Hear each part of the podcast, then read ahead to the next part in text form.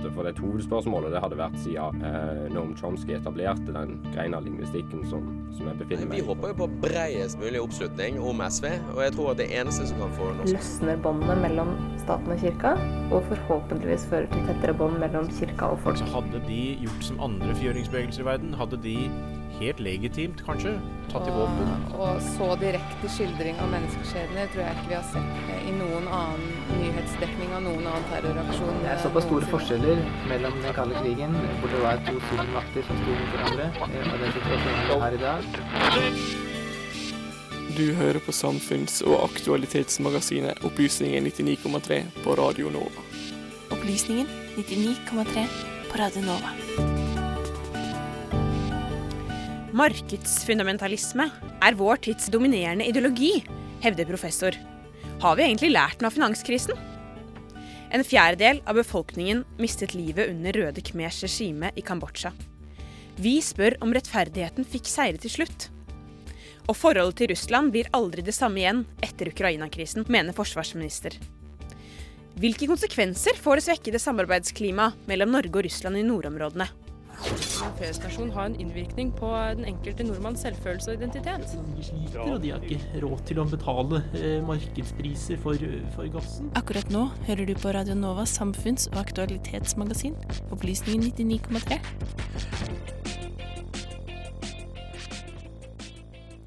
Hei og riktig god morgen. Klokken er akkurat passert ti, og du hører på Radionovas samfunns- og aktualitetsprogram Opplysningen 99,3. Mitt navn er Marie Åkran, og jeg skal være med dere den neste timen her på kanalen. Og I tillegg til sakene dere nettopp hørte, så har en av våre reportere laget en kommentar om Norwegian-streiken. Her er ukens kommentar.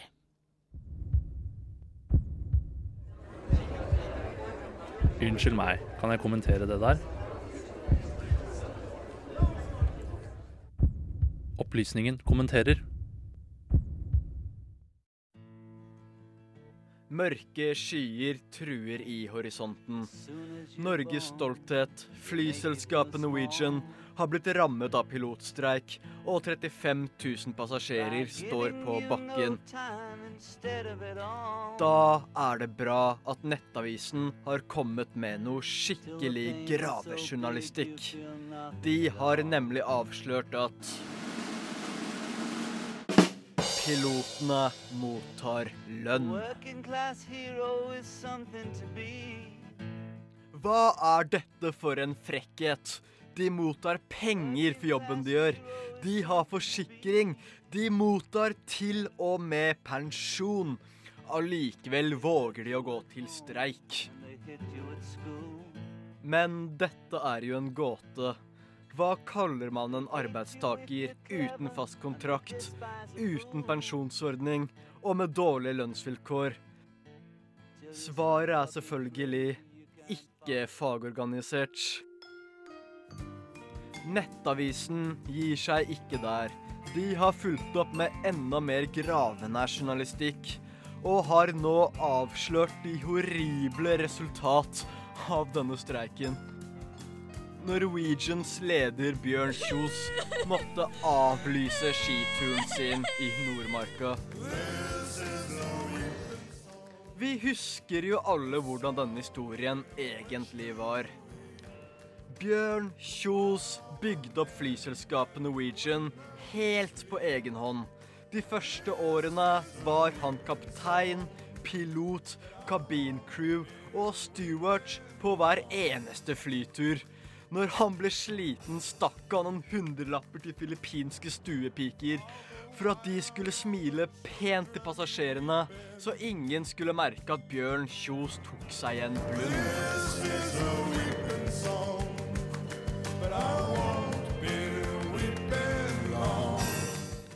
Så en dag dukket det opp noen slitne folk på kontoret hans og sa så, kompis, hva er dette her for egentlig?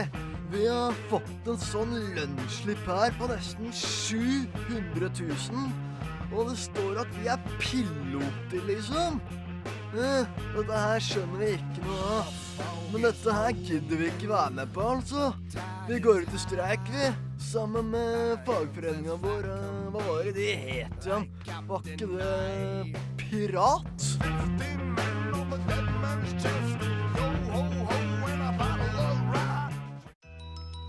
Men er det egentlig sånn historien virkelig var? Eller var det slik at Bjørn Kjos aldri hadde klart å bygge opp et lavprisselskap uten sine trofaste piloter? Som da ikke engang er ansatt i Norwegian, men i datterselskapet Norwegian Air Norway.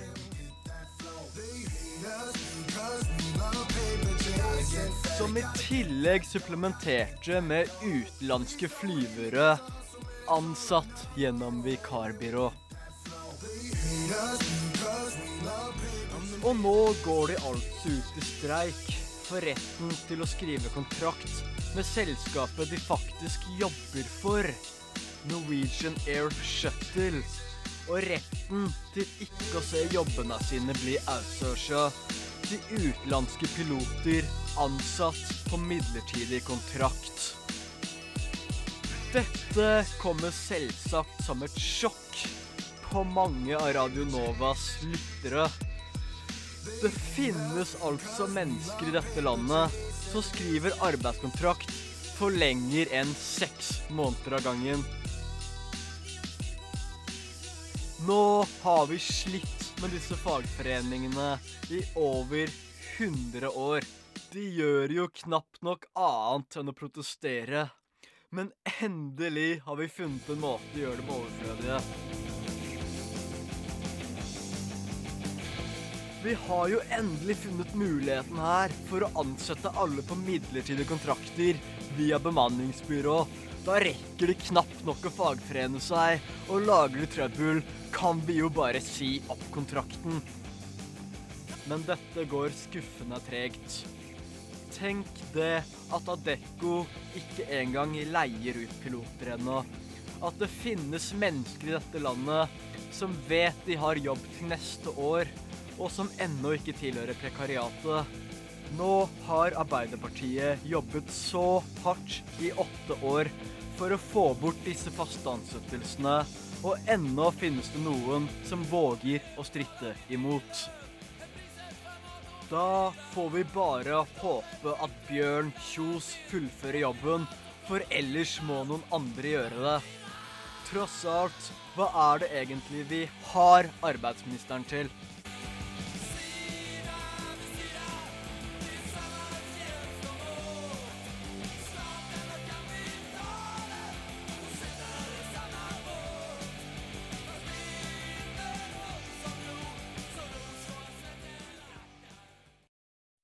Ja, og nå skal vi over til um, ukens uh, Nå skal vi over til økonomi. Uh, denne kommentaren forresten var laget av Dag Sneve. Um, finanskrisen har utviklet seg til å bli en lengre og dypere krise enn de fleste forutså. Har vi egentlig lært noe av den? Vi har fått besøk av professor i statsvitenskap, Bent Sofus Tranøy. Velkommen. Tusen takk. Markedsfundamentalismen er vår tids dominerende ideologi, har du uttalt. Hva mener du med dette? Ja, Det var noe jeg skrev i en bok som jeg ga ut i 2006. Og det jeg mente med det, var at eh, i ledende politiske og i og for seg eh, byråkratiske og noen intellektuelle miljøer, så har det vært en dyrking av markedet som, eh, som organiserende prinsipp. Folk har vært like nesten blinde i troen på at markedet løser problemer, som eh, tidligere kommunister hadde vært på at plan eh, skulle løse alle problemer. Og, den, og finanskrisen var et eksempel på dette, eller bevis for dette, kanskje? Eller? Altså, Mangelen på regulering av finanssektoren i perioden før det smalt, er et eksempel på hvor ekstremt naive forestillinger om eh, markedets eh, vidunderlige evner eh, hadde, tatt, hadde, tatt, hadde, satt seg fast. Da. Altså disse, disse, forestillingene hadde blitt så, så, dominerende at det kom i veien for Sammen med andre ting så kom det i veien for en, en fornuftig regulering av finanssektoren. Og fremdeles så ser vi at en del av disse forestillingene gjør seg gjeldende. Det er en sånn forestilling at markedet er selvregulerende, at det er stabilt. At hvis du på en måte bare ikke eh, skal jeg si, kødder med det, bare ikke prøver å regulere det, så, så vil det gå bra av seg selv. Mm, så hva var det som skjedde, hvis vi spoler tilbake da, til 2007 til USA, hva var det som skjedde, hva var det som gikk så veldig galt? Ja, det, På amerikansk så snakker de av og til om a perfect storm. Eller altså, en utrolig cocktail av, eh, av faktorer. Eh, men eh, jeg vil jo fremholde som en, en, veldig viktig betingelse for at det skulle kunne gå galt, var en manglende vilje til å, å regulere. Eh, og da er det alt fra å regulere de mest si, groteske produkter som finanssektoren hadde funnet opp. F.eks. så var det mulig å kjøpe forsikring mot at andre folks eh, porteføljer av verdipapirer skulle falle i verdi. Altså Det var mulig for meg, for å ta et eksempel fra, fra boligområdet da. Jeg kunne kjøpt forsikring mot at huset ditt skulle brenne ned. Ja. Selv om du og jeg Det var veldig sånn kompliserte finans... Ja, men ikke bare det, altså, Du og jeg har ikke noe med hverandre å gjøre. Hvorfor, hvorfor skal jeg få penger hvis ditt, ditt hus brenner ned? Mm. Det eneste vi har gjort da, er å skape et motiv for at jeg skal sette fyr på det. Mm. Så det er, det, er, det er meningsløst. Eh, en annen ting er at det var veldig lave renter veldig lenge. Og Det var noe som den amerikanske sentralbanksjefen eh, satt i gang eh, med vilje eh, for å, å holde liv i økonomien. Det er en sånn doping for økonomien. sånn kunstig, uh, han, han, han, eh, Forrige sentralbanksjefen Alan Greenspan styrte på en måte fra boble til boble. En av grunnene til det var altså at han, at han kunne få til det, var at han selv kjørte en politikk med korte renter som var lave. Og det annet var at uh, det kom veldig billige penger inn fra Kina uh, og andre land som hadde gått med store, gikk med store overskudd i sin utenriksøkonomi. Men så begynte man altså å, å, selge og pushe kreditt på helt nye måter. Du begynte å pushe kreditt til folk som egentlig ikke hadde låneevne. Mm. Altså, folk, boliglån, f.eks. Ja, boliglån til folk som mm. altså, det er, altså hvis ikke du har, Kredittmarkedet er ganske brutalt. Hvis ikke du har nok penger til å betale lånet ditt, så bør du ikke få lån. Mm. Eh, men så begynte man da å gi lån til folk som egentlig ikke burde fått det, med den logikken at ja, men det de har kjøpt, vil jo stige i verdi. Sånn at hvis det, går til unnskyld, hvis det går galt, så vil de allikevel kunne selge, og så kan banken få igjen pengene. Og så begynte man å selge lånene på måter som var sånn at ingen egentlig hadde noe tilskyndelse eller insentiv til å passe på. Hvis du tenker at du tar en råsleip svartebørshai eller bilselger av, eh, av, verste sort, som går rundt og selger lån til folk som egentlig ikke burde få disse lånene. Mm. Eh, en normal bank som selger et lån altså Hvis banken din gir deg et lån som du ikke burde fått, så blir det bankens problem. Men hvor bevisst var disse valgene her? Ja, Dette var helt bevisst. Det var helt bevisst. Fra, fra hvem altså, da? Fra hele kjeden, fordi det var en ansvarspulverisering. Det var, det var altså det, Bilselgeren, som, som etter hvert blir boliglånselger, får bonus. For jo større lån de selger, jo mer bonus får de. Og så dytter de lånet videre. Det er ikke ditt problem. Altså det vi frem til er at Hvis du tar et dårlig lån i din bank, og banken får problemer, så blir det bankens problem at du ikke klarer å betale. Men hvis banken videreselger, og alle videreselger altså Disse lånene her endte opp i porteføljen til tyske pensjonister som ikke ante hva det var deres forvaltere hadde kjøpt på deres vegne. Mm. Det er et system med total ansvarspulverisering, og hvor lånene bare går videre og videre og videre. Og videre. Eh, og så pakkes det på ulike sånn fancy måter for å skjule hva det er som foregår. Eh, og, det, og, det, splittes opp og herjes med og sånn. Og det, det hele ser veldig avansert og fancy ut, men det er egentlig på Pillråttent, rett og slett? Ja, pilrotten, Ja, fordekt. Det er, det er, det er en slags fordekt kriminalitet. Ja. Det, er, det virker som et helt puslespill av verdipapirer og ja. skyggebanker og alt mulig ja. utrolig vanskelig. Um, jeg har tatt veldig. meg en bok hit i dag, uh, ja. 'End This Depression Now' av Paul Krugman. Ja. Uh, og han um, er jo veldig skeptisk til uh, hele mm. dette mm. systemet, da. Um, og det som han beskriver, er også hvordan eh, økonomer som var egentlig ganske fornuftige, halvradikale økonomer, beveger seg til å bli erkekonservative, eh, markedselskende personer. Er, er, du enig i dette bildet? Ja, altså jeg, Han kjenner nok de økonomene han skriver om bedre enn jeg gjør, så jeg vet jo ikke, ja. hvor, vet jo ikke hvor, de kommer fra. Men du snakket om denne politiske viljen, da, eller ja. mangelen på, på, politisk vilje. Ja. Eh, Tenker du at det mest ligger hos økonomer og liksom stats... Eh, sentralbanksjefen og sånn, eller er det også blant politikerne, lurer jeg på? Ja, ja. Det er hele veien. Men altså, det, er, sant, det er en herlig suppe. For hvis du har altså da, hvis du hadde gått tilbake til 50- og 60-tallet, så var tanken om planlegging og regulering det dominerende. Sånn at Vanlige folk som ikke tenkte så mye selv, de havna automatisk si, i Eller si vanlige politikere som var mer politikere enn de var dypttenkende omkring det politiske systemet og de økonomiske institusjonene. De bare var tilhengere av planlegging, for det var man. Ja. Til enhver tid så er det en eller annen tankeretning som er dominerende. Som fornuftige mennesker. De som skal love å være med i samtalen. 30 år seinere så er det på en måte markedsoptimisme og en tro på at markedet ordner opp, som er det de voksne menneskene, de som ikke trenger å forsvare så veldig det de står for, mener. Så det er én kraft. En annen kraft er altså at det, innenfor økonomisk teori så finnes det retninger som er temmelig ekstreme. Eh, nesten sektaktige, syns jeg, i sin, liksom, sin, besvergelse av at vi kan bare ha marked, og vi må være veldig forsiktige med politikken. Bruke politikken hele veien.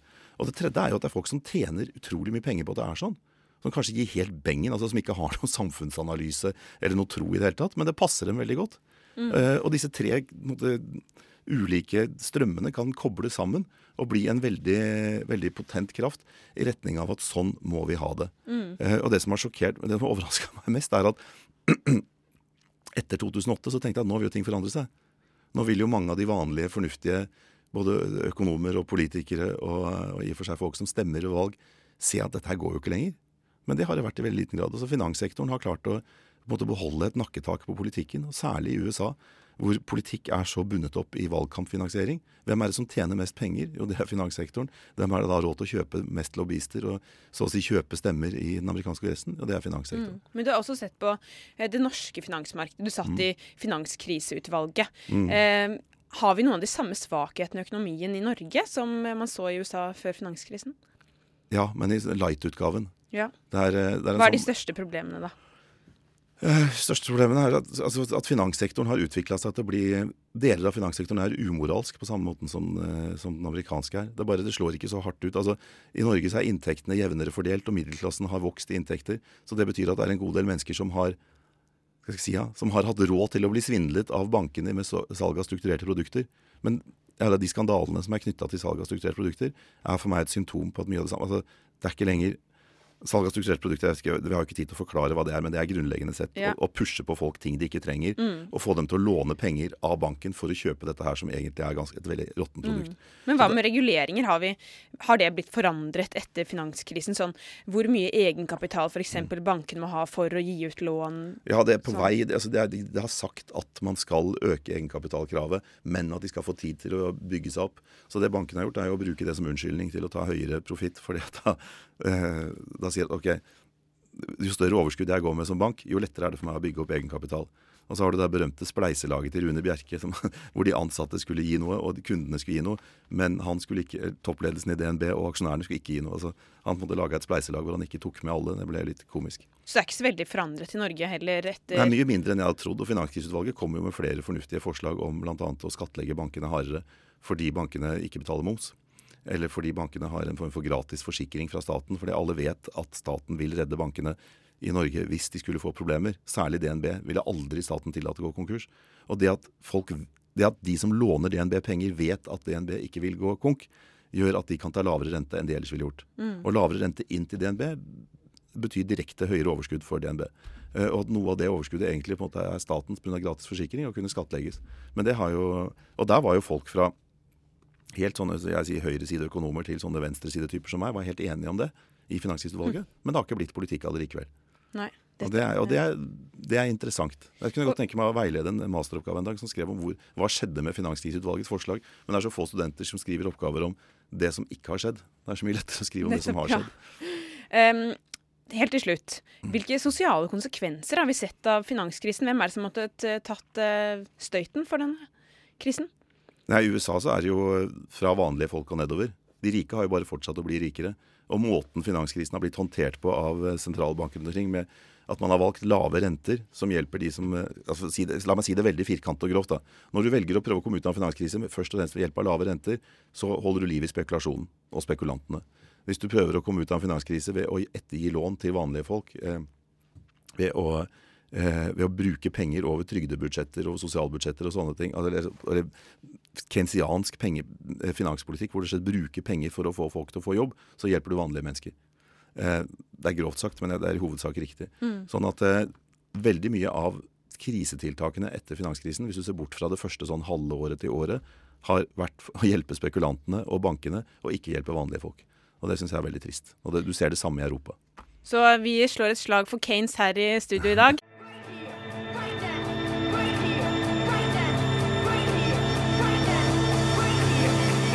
Radio Nova.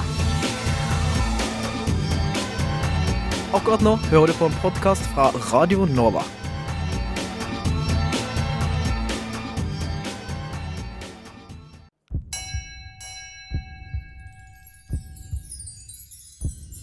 Ukas opplysning. I 1975 ble tida i Kambodsja skrudd tilbake. Røde khmer hadde kommet til makta.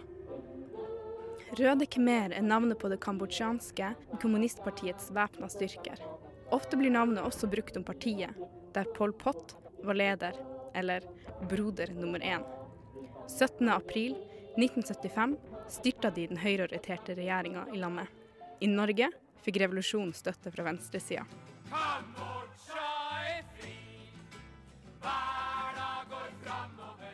De nye makthaverne kasta ikke bort tida.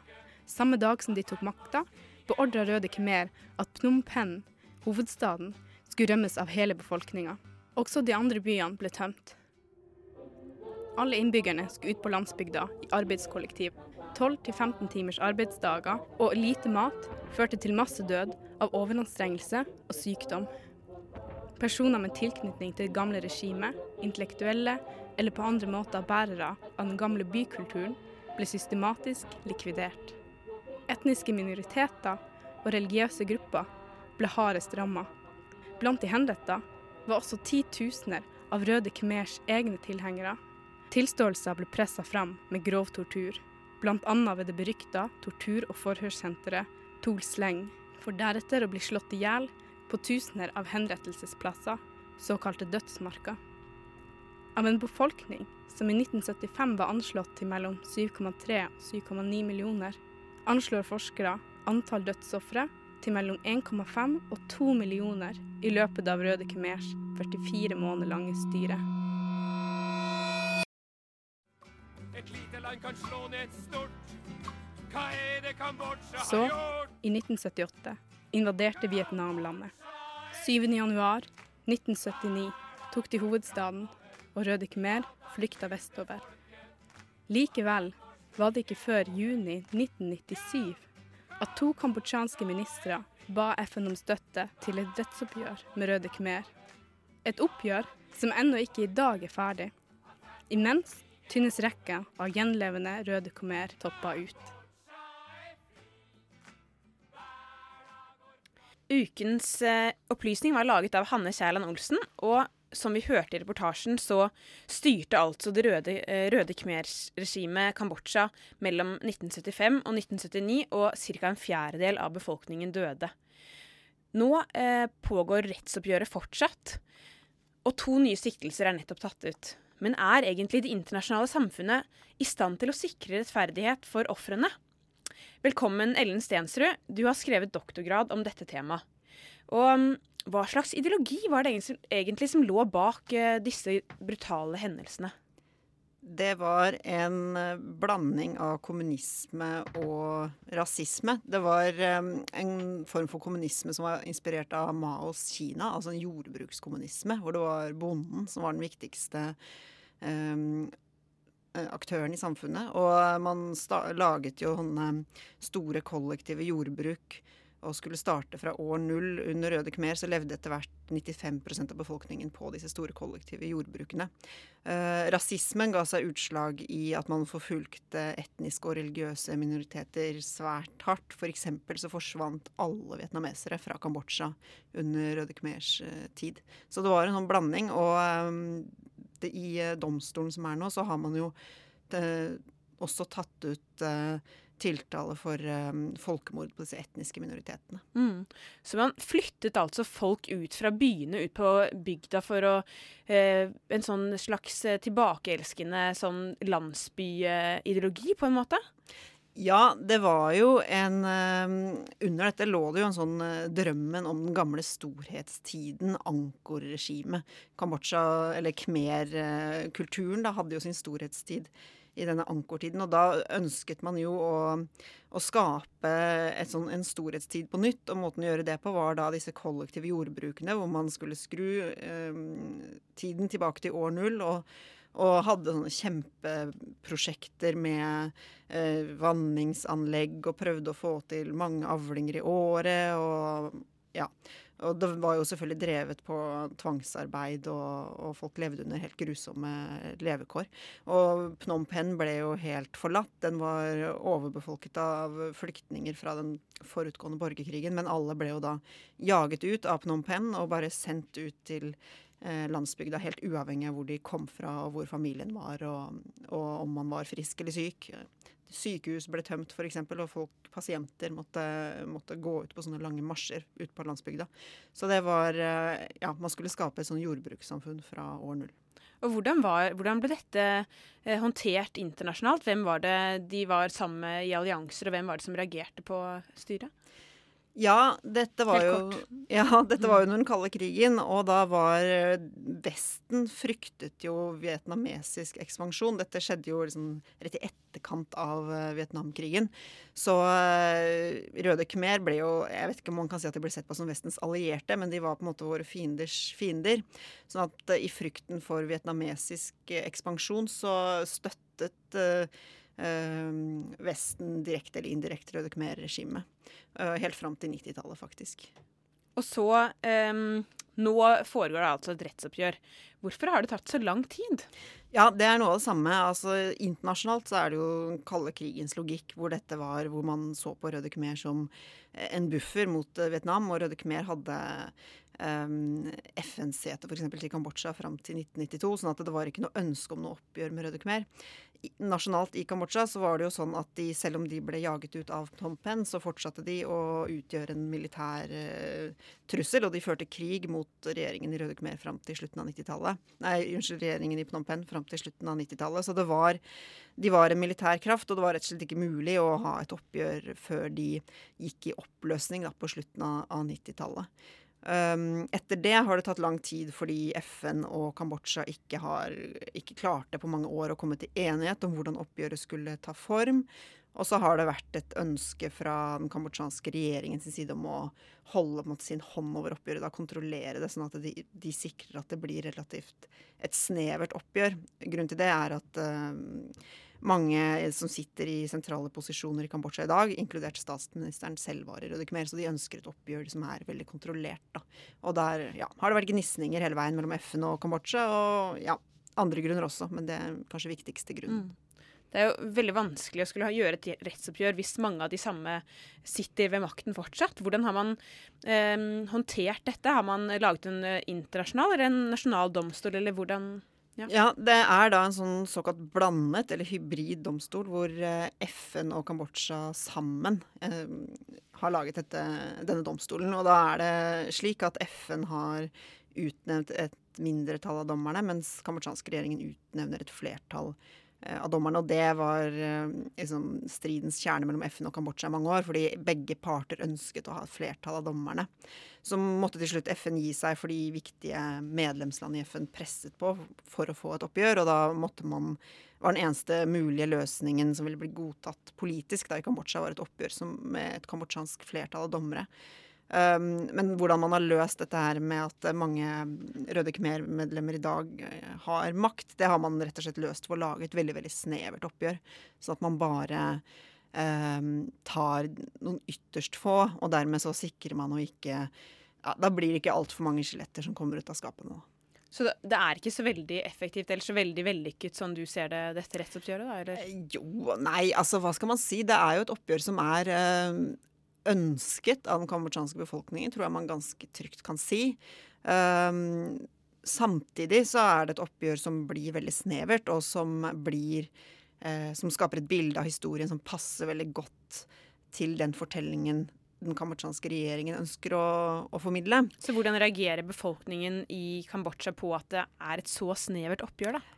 Ja, Det er vanskelig å sånn, eh, si noe helt sikkert om hvordan folk reagerer. For det problem er selvfølgelig i hvilken grad folk er godt informert. Eh, men det er sånn, på et helt um, overordnet plan ganske stor støtte til rettsoppgjøret. Og det at så få blir eh, tatt, det har en viss uh, sympati i befolkningen, tror jeg. Fordi folk er redd for ny uro. Det har jo vært uh, tre tiår med krig, ikke sant. Så folk eh, den forklaringen om at man må ha et snevert oppgjør for ikke å skape uro, det er noe folk lytter til. Eh, I tillegg så har det en viss eh, resonans i den kambodsjanske kulturen, dette her med at man tar lederne, for det er en veldig hierarkisk og patron-klientkultur. da. Ja, for hvordan er styret i Kambodsja i dag? Ja, Det er jo et uh, styre som uh, Altså, det blir gjennomført valg, men det er jo i praksis en slags ettpartistat, hvor det er det samme partiet som har styrt siden begynnelsen av 80-tallet, eller egentlig siden 1979, da Vietnam invaderte. Er det fortsatt den kommunistiske eller maoistiske linjen? Eh, nei, det er det ikke. De har åpnet opp for veldig markeds... Eh, altså det er jo en rivende økonomisk utvikling, og, men en slags eh, Eh, altså det er en elite i Kambodsja som er både en politisk og økonomisk elite, er, hvor dette med økonomisk og politisk eh, styring er helt sammenblanda, og hvor det er ett parti da, som har sittet med makten i veldig mange år, og som har liksom, sin sterke hånd over, eh, over både politikk og økonomi og utvikling. Mm. Eh, men til tross for at det er et snevert oppgjør, så har det skjedd noe nå nylig. Hva er det som har skjedd? Det er noen nye siktelser som er tatt ut? Ja, det mm, som har skjedd nå, er at domstolen har i, egentlig siden 2009 etterforsket ytterligere fem personer. Til nå så har jo har det vært tatt ut uh, fem tiltaler, og en, altså tre av disse er dømt, og to av de er frafalt fordi den ene døde og den andre var så syk. Um, så det er altså tre personer som til nå er dømt. I tillegg har domstolen etterforsket fem ytterligere personer. Og det som ble klart for et par dager siden, var, at, var navnene på to av dem. Hvor da er eh, de er ikke formelt tiltalt, eller men de er under etterforskning, og de er siktet. Og det betyr at de kan ja, de får noen flere rettigheter da, som, uh, som, siktet. Men de, uh, det er interessant, fordi den kambodsjanske regjeringen har hele tiden prøvd å stanse en utvidelse av oppgjøret. De har hele tiden, kambodsjansk statsministeren har sagt at han ikke ønsker noen ytterligere tiltaler. Så det at, man nå, at det går den veien, er interessant, og det er viktig for oppgjøret og for den historien som blir fortalt, at man får noen flere tiltaler, sånn at man får en litt bredere versjon av historien. Da, en litt mer komplett uh, fortelling om hva det var som skjedde. Mm. Helt til slutt nå. Hva, hva, kan vi lære av Kambodsja om rettsoppgjøret? om hvordan man gjør det? Hvis man skal lære noe av Kambodsja som sak uh, fremover, da? Ja, jeg tror det i hvert fall FN, som er involvert i dette, har lært, er at de aldri noensinne kommer til å gå inn på et sånt oppgjør igjen hvor de ikke har kontrollen selv. For det har vært uh, ekstremt vanskelig og betent forholdet mellom kambodsjansk regjering og FN. Og det at eh, FN har gått inn i et oppgjør hvor den kambodsjanske regjeringen i praksis har mye av kontrollen, da, det, det, tror jeg ikke eh, FN kommer til å gjøre igjen, rett og slett. Det tror jeg vil for det internasjonale samfunn være den viktigste lærdommen. Mm. Tusen takk for at du ville komme, Ellen Stensrud. Radio Nova. Radio Nova? Du hører nå en podkast fra Radio Nova.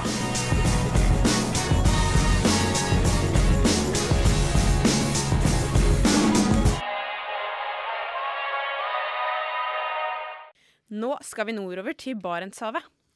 Forholdet til Russland blir aldri det samme igjen etter Ukraina-krisen, mener forsvarsminister Søreide Eriksen.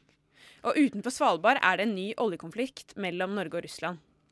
Velkommen, Dag Harald Klas, professor i internasjonal politikk med energipolitikk som hovedfelt.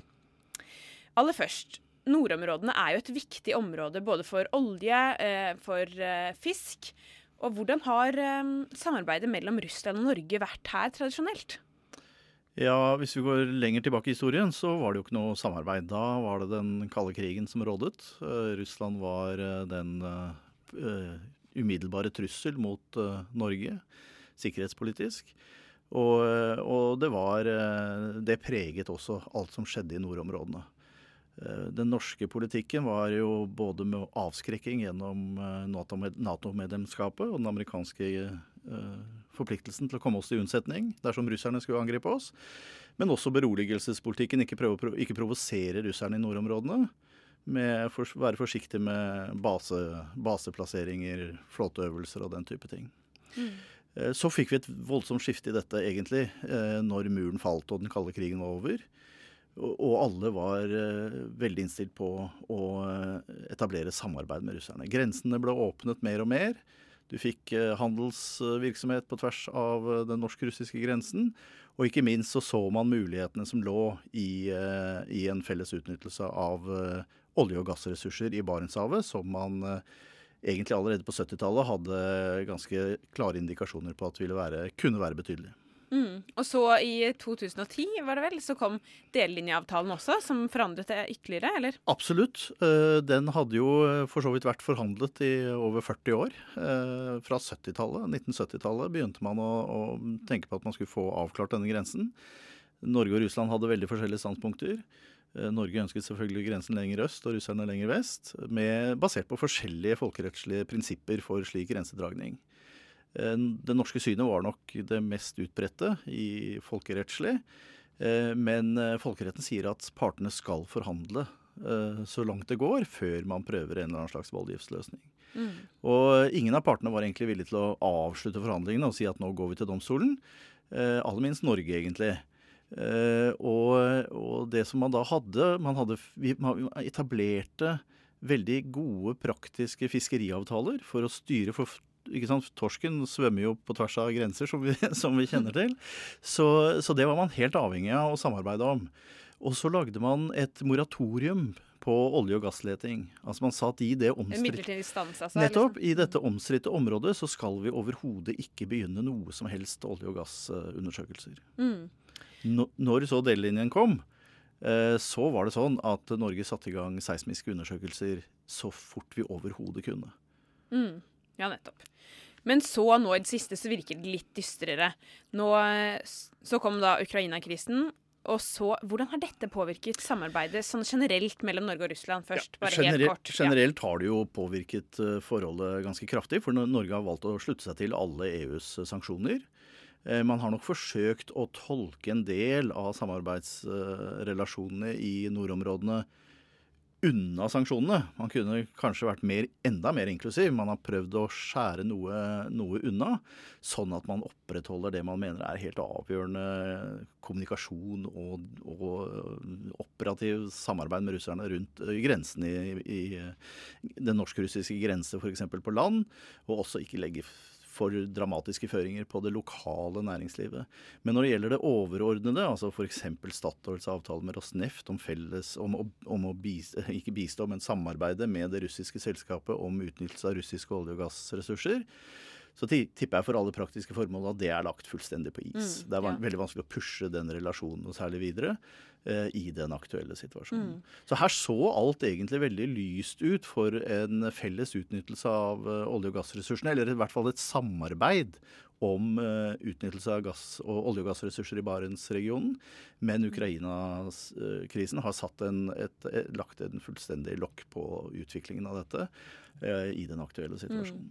For først da så kom vi med disse sanksjonene mot eh, Så vi slang oss på EU og kom med disse sanksjonene, og så svarte også Russland med å komme med å stoppe lakseeksport og sjømateksport. Ja. Og så, så har vi sett nå i det siste denne veldig eh, mye mer eh, aggressive eh, retorikken fra norske eh, politikere. Vi så først Ine Marie Søreide Eriksen, og så støttet plutselig Børge Brende henne. Og i går så gikk også Erna Solberg ut og var eh, også litt mer eh, aggressiv mot Russland enn hun pleier, selv om hun var litt eh, kanskje rundere i ordbruken. Men hvorfor tror du de tør å komme med disse Nei, jeg er litt nå? overrasket over at de gjør det. fordi hvis man leser det europeiske bildet nå, eh, så er det snarere det motsatte som, som, skjer. Altså EU er nå med mer et tvilsomme til om De, øk, de, de forsterker iallfall ikke sanksjonene. Eh, De diskuterer om de skal eh, lette litt på de. Altså jeg tror, eh, jeg tror vi har kommet inn i en På europeisk plan kommet egentlig inn i en litt annen En litt sånn avventende fase, hvor, hvor Merkel og andre til tross for at de på en måte ikke får de dramatiske gjennombruddene de, de, de ønsker i å løse Ukraina-krisen, eh, så er det ikke noe snakk om å Så er de veldig vare for å risikere å eskalere relasjonen til russerne. Så, eh, så hvis det er gjennomtenkt fra regjeringens side at de nå skrur til på en måte den norske retorikken rundt dette, så er det litt overraskende, syns jeg. Mm. Kan det ha noe med, med energipolitikk å gjøre? At man ser at ikke det er de samme ressursene som man hadde håpet på? og Derfor at samarbeidet ikke er like viktig? Ja, nei, tror, ja, samarbeidet er nok viktig, men det som har skjedd, eh, som kanskje er enda viktigere når det gjelder energiressursene i, nord i Arktis og i Barentshavet, det er jo at eh, amerikanerne har funnet en hel masse gass. Altså De har fått et teknologisk gjennombrudd, denne skifergassrevolusjonen som vi kaller det, eller shale gas. Eh, det har gjort at det som var det store markedet, f.eks. for, for Snøhvitfeltet, det amerikanske markedet, det er helt borte. Så det er veldig vanskelig å få solgt gass nå. Det gjør at veldig få selvfølgelig har lyst til å bruke milliarder av kroner på å bygge ut et gassfelt. Eh, så, så gassmarkedet er proppfullt av gass, eh, og dermed så stopper på en måte den norske olje- og gassindustriens push for å få tak i disse ressursene i Barentshavet. Statoil har så vidt jeg skjønner stoppet eh, planene om å utvide Snøhvitfeltet. I tillegg har oljeprisen falt dramatisk, og ingen ser egentlig at den skal opp på kort sikt. Så dermed så står man egentlig med en situasjon hvor disse olje- og gassressursene i Barentshavet er blitt kommersielt uinteressante på kort sikt. Mm. Kanskje på mellomlang sikt til og med. Dermed så er ikke så er på en måte hensynet til å være varsom med russerne litt eh, borte. Altså den motivet om å være litt tilbakeholdne fordi vi har dette økonomiske fellesinteressen i Barentshavet, den er blitt litt borte. Så regjeringen har fått et handlingsrom eh, som kan utnyttes. Mm. Eh, man, man, man, eh, man risikerer ikke noe i, overfor olje- og gassnæringen ved å være tøffere mot russerne i nord. Fordi olje- og gassnæringen uansett ikke har en kommersiell interesse der oppe på kort sikt. Og så skrev altså Klassekampen forrige uke om denne nye oljekonflikten i Barentshavet. Eh, er dette et eksempel på at eh, konflikten mellom Russland og Norge, eller det dårligere samarbeidsklimaet, at det også har kommet til nordområdene, tenker du? Ja, jeg tenker nok det. Vi kan ikke forvente at, uh, at det vil være helt upåvirket av dette, og at det blir litt sånn retoriske diskusjoner. Hvis du tenker på dette med iskanten Mm. og, og, Ja. og, og russernes betraktninger rundt det. Ja, Hva skjedde med iskanten? Du kan fortelle. Ja, nei, altså at den norske regjering jo da ser at iskanten trekker seg tilbake, og dermed også lys, utlyser konsesjoner lenger nordover. Dette, er jo helt, dette var helt som forventet. Eh, Så har du miljøbevegelsen som hisser seg oppover dette, eh, også helt som forventet. Så i den norske diskusjonen så var jo dette helt åpenbart. Og så har russerne kastet seg på med å ha noen betraktninger rundt dette. Dette tror jeg er veldig vanlig sånn russisk retorikk som man ikke skal legge for mye vekt på. Det har vært masse russisk retorikk rundt Arktis eh, som, som man skal være veldig varsom med å overtolke. Ja, for hvor eh, aggressiv er på en måte Russlands rolle i Arktis, egentlig? Det blir snakket om denne eh, flaggplantingen på, eh, på havbunnen på Nordpolen og eh, økende eh, militærøvelser i Arktis. Er det e egentlig en trussel? Nei, altså til, Frem til nå, når man ikke har hatt Ukraina som bakteppe rundt dette, så har alt dette bare vært staffasje. Være, og, og jeg ser det er mange, også forskere i mine, i mine kretser, som har eh, pekt på denne flaggplantingen og, vi, og, og brukt det som et, eh, som et signal om, eh, om russisk aggresjon og russisk eh, anneksjon av, eh, av disse områdene. Det som er realiteten her, er at russerne har forholdt seg fullstendig helt etter boka når det gjelder folkerettens bestemmelser om hvordan disse kontinentalsoklene skal avgrenses. Og igjen så sier folkeretten at partene skal forhandle, kan, og Norge har jo ingen Norge gjør jo ikke krav på noe på Nordpolen, så vi er jo utenfor dette. Vi har fått avklart vår kontinentalsokkel. Men både danskene eh, via Grønland, da, canadierne og russerne eh, har overlappende krav på kontinentalsokkel eh, rundt i midten av, Arktis, av Polhavet, altså rundt Nordpolen. Disse landene må forhandle, men det som også nå skjer, er at de legger inn sine geologisk baserte krav, altså rent tekniske krav, til en kommisjon, FN-kommisjon, som så skal avgjøre eh, grensedragningene. Så, og her har russerne oppført seg helt etter de folkerettslige bestemmelsene.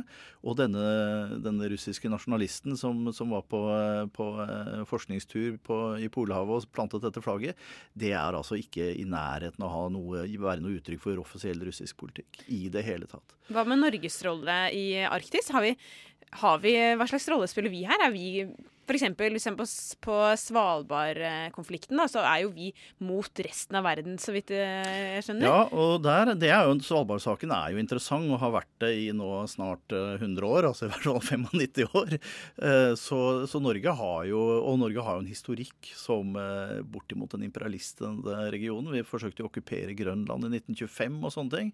Så, så de som husker tilbake, eller i hvert fall har lest seg tilbake, særlig britene er veldig opptatt av dette, de har, ser jo Norge som en, veldig, som en aggressiv imperialistisk eh, stat i, i denne regionen av verden. Eh, Norge har selvfølgelig også forholdt seg her helt til de regler som, som folkeretten setter. Eh, men Svalbardtraktatens forhold til eh, generell folkerett og forhold til norsk juris, jurisdiksjon er i andre lands øyne eh, ikke så enkelt som vi vil ha det til. Nei. Den norske holdningen er veldig tydelig. Eh, Svalbard er norsk med total norsk suverenitet. Og så er det visse bestemmelser av en mer praktisk art, som man sier i Norge, eh, som følger av Svalbardtraktaten. Andre land, veldig få andre land deler, deler denne oppfatningen. Så det er kanskje ikke Russland som er den store stygge her, liksom, og vi som er eh, den fredselskende nasjonen? Nei, det har blitt sagt til meg at det er britene som er den store fienden vår i dette området, ikke russerne. Ja, nettopp. Eh, Da går sendingen mot slutten, men ett siste spørsmål. Jeg lurer på, Media skriver ofte dommedagsprofetier om hvordan nordområdene kommer til å eh, utvikle seg og bli en, et konfliktsone når, eh, når isen smelter og det blir tilgang til nye eh, energifelt og ny shipping. Hva tror du om denne trusselen? Det er overhodet ingen uh, ting som tyder på dette i det hele tatt. Altså Her driver landene nå en prosess, en eh, folkerettslig regulert prosess for å foreta Altså alle, alle sjøterritorielle avgrensninger eh, er veldig enkle. Det er litt uenighet mellom USA og Canada, faktisk. Der er det en strid rundt definisjonen av de, om kanadisk-arktiske vannveier er indre hav eller, eller åpent hav, altså eh, high seas. Men, men, men det er ikke noe problem. Så er det disse kontinentalsoklene som nå avgrenses helt i tråd med de folkerettslige bestemmelser om hva som skal legges til grunn, og hvordan det skal gjøres. Og all olje og gass eh, det, det, blir, eh, bare si, det blir noen få eh, kvadratkilometer igjen i Polhavet eh, som, blir, eh, som ingen gjør krav på. Noen få kvadratkilometer i et par områder. Det er ingen grunn til å forvente at det er der olje- og gassressursene ligger. Det Så man trenger ikke å, å vi frykte Nei. Kina og EU som kommer og Det vi tror, det, ja, det, det er et eh, annet element, men det vi tror når det gjelder olje- og gassressursene, hvor de befinner seg, så fi- befinner de seg under et og, eller vil befinne seg under et lands klare jurisdiksjon. Så det vil ikke være omstridt hvem som eier olje- og gassressursene. Og da er på en måte veldig mye av kabalen når det gjelder utnyttelse av sånne ressurser eh, lagt. Det landet bestemmer da hvordan de skal utnyttes, og inviterer selskaper til å delta. Og det kan selvfølgelig være kinesiske selskaper. Og det er nok det kineserne er opptatt av, ikke å gjøre krav på Polhavet. Selv om de har noen eh, litt mer, eh, litt mer eh, skal vi si, spesielle folkerettslige fortolkninger rundt disse tingene, som de presenterer av og til. Men, men jeg tror det er det de er interessert i, er å komme inn i dette rent næringsmessig. Så vi trenger ikke være like uh, frykte nordområdene like mye som det ser ut som kanskje media mener vi skal gjøre av og til. Men uh, tusen takk for at du vil komme, Dag Harald Klas, professor i internasjonal politikk. Uh, og da går opplysningens sendetid mot slutten. Takk for at du ville høre på oss denne fredagsmorgenen. Medvirkende til denne sendingen var Manvi Rohatki, Marit Fiksdal, Signy Grape, Hanne Kjærland Olsen og Dag Sneve. Tekniker var Maja Myhren, og her i studio Marie Åkran. Radio Nova. Du har hørt en podkast fra Radio Nova. Likte du det du hørte? Du finner flere podkaster i iTunes og på radionova.no.